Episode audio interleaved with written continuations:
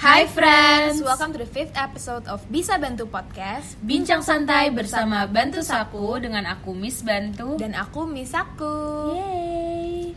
Nah jadi Miss Bantu, hari ini kita akan membahas tentang Apa tuh? Pengalaman meminjam di pinjaman ilegal. Oh my god, seru tuh kayaknya. Tapi berarti kita nggak mungkin sendirian dong. Kan kita belum pernah nih minjem di pinjaman online ilegal. Karena kan kita kalau minjem di Bantu Saku. yang udah pasti Legal. Nah, berarti hari ini kita akan kedatangan satu narasumber yang pernah meminjam di pinjaman online ilegal. Yuk, mari kita sambut Kak Devina. Hai Kak Devina. Hai, Apa kabar nih Kak? baik ya gini-gini aja ya, lagi kondisi masih pandemi. Hmm, Kalian kalian bener. gimana nih? Alhamdulillah baik. Gini-gini aja lah Gini-gini ya. Miss juga sama. Iya.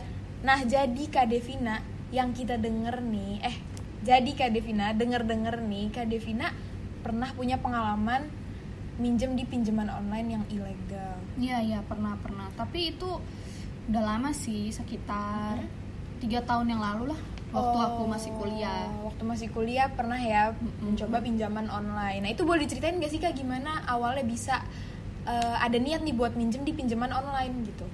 Itu kan namanya masih kuliah ya, Hmm. konsumtifnya ada, Iya, tapi betul. uang jajan ya terbatas gitu kan. betul. Dan dulu itu kan pinjaman online tuh belum semarak sekarang nih, yang Hmm. bener-bener banyak banget. Dan pengetahuan orang-orang tentang pinjaman online juga masih sedikit kan. Betul, dan aku betul. juga cuman mencari-cari itu waktu itu dari Instagram. Hmm. Dan pengetahuan aku pada saat itu juga masih kurang, masih minim tentang pinjaman online yang aku tahu cuman ya namanya pinjaman online.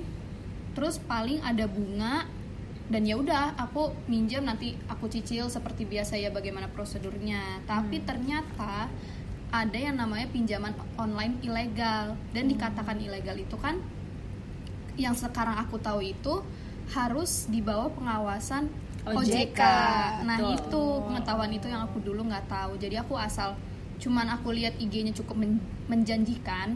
Jadi oh ya udahlah aku kontak uh, adminnya dan dia menjanjikan untuk si bunganya ini aku nggak nggak gede dia Hmm, bilang kecil gitu ya, kecil awalnya. apa terus ya gimana ya namanya bahasa marketing ya mungkin orangnya menjanjikan ke aku di mana aku juga mahasiswa oh ya untuk segini sih aku masih sanggup gitu kan.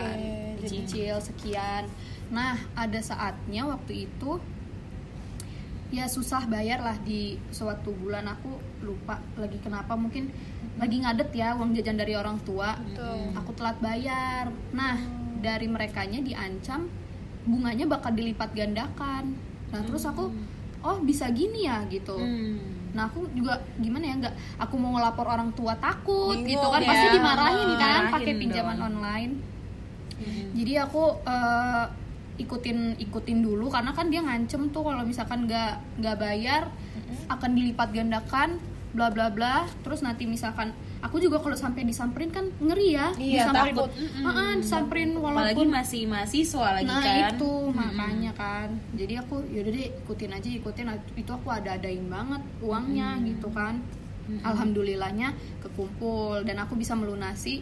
Dan ya udahlah akhirnya aku udah setelah aku udah lunasin eh, semua pinjaman aku udah lunas udah clear semuanya terakhir aku tuh baru nyadar baru aku tuh baru research. Mm-mm.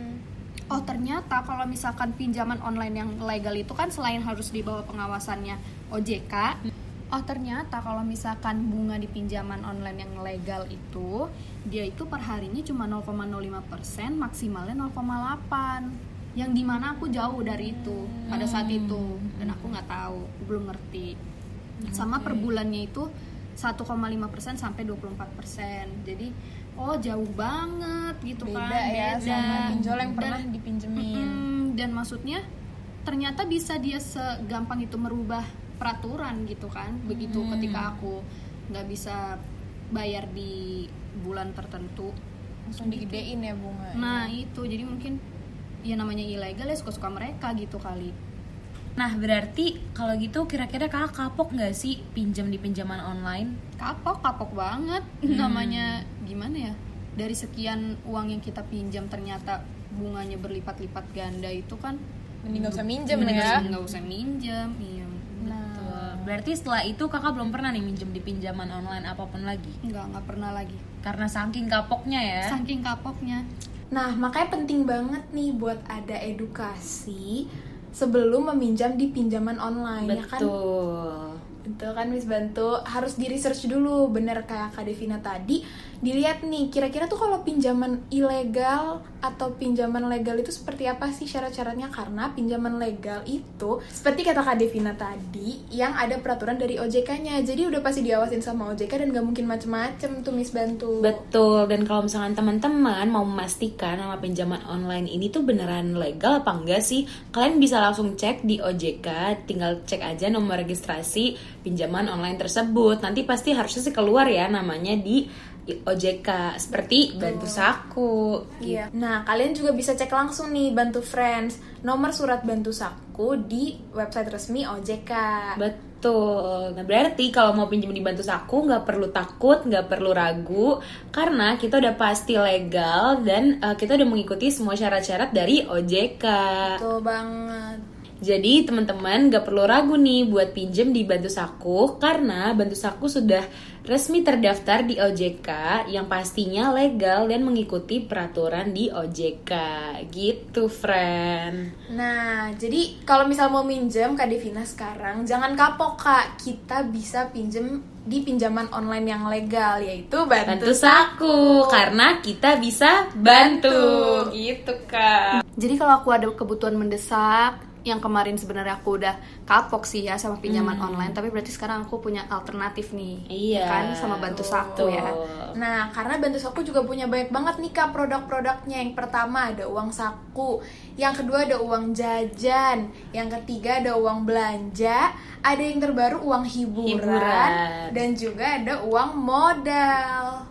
Jadi Oh. banyak banget range pinjamannya yang bisa Kak Devina pinjam. Iya, jadi bisa disesuaikan juga sama kebutuhan Kak Devina gitu. Nah, berarti friends di sini juga kalau mau minjem di Bantu Saku, langsung aja pinjam di Bantu Saku dengan cara download aplikasi Bantu Saku di Google Play Store Google dan kalian bisa langsung uh, meminjam di aplikasi Bantu Saku dengan sistem pencairan dana yang sangat mudah karena dana kalian akan cair dalam waktu 3 menit hanya menggunakan KTP aja loh, friend. Wah, mantep ya bantu saku ya. Hebat Iya kan dong, Kak? bener. Karena kan kita udah terdaftar, legal, mudah lagi Hmm. cara meminjamnya. Jadi udah pasti aman. Jadi Kak Devina nggak boleh kapok lagi ya buat pinjam di pinjaman online. Mungkin kalau sekarang aku minjem bukan untuk konsumtif pribadi ya. Mungkin aku bisa tadi tuh pakai yang buat modal kan? Betul, Iya, buat betul. modal mungkin usaha. aku bisa bikin usaha,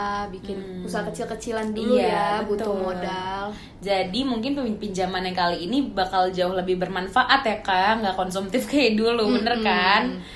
Oke deh, segitu aja buat podcast kita hari ini. Seru banget kita udah ngobrol-ngobrol sama Kak Devina. Terima kasih Kak Devina Terima udah kasih, Kak. Devina. Sama-sama, terima kasih. udah mau cerita-cerita tentang pengalamannya. Nah, bantu friends. Jadi kalian juga harus hati-hati ya kalau mau pinjam di pinjaman online harus yang terpercaya dan pastinya terdaftar diawasi langsung oleh OJK. Oke, Miss Bantu. Sampai sini dulu aja podcast kita hari ini. Oke. See you on another episode of Bisa Bantu Podcast. Bincang santai bersama Bantu Saku, bye.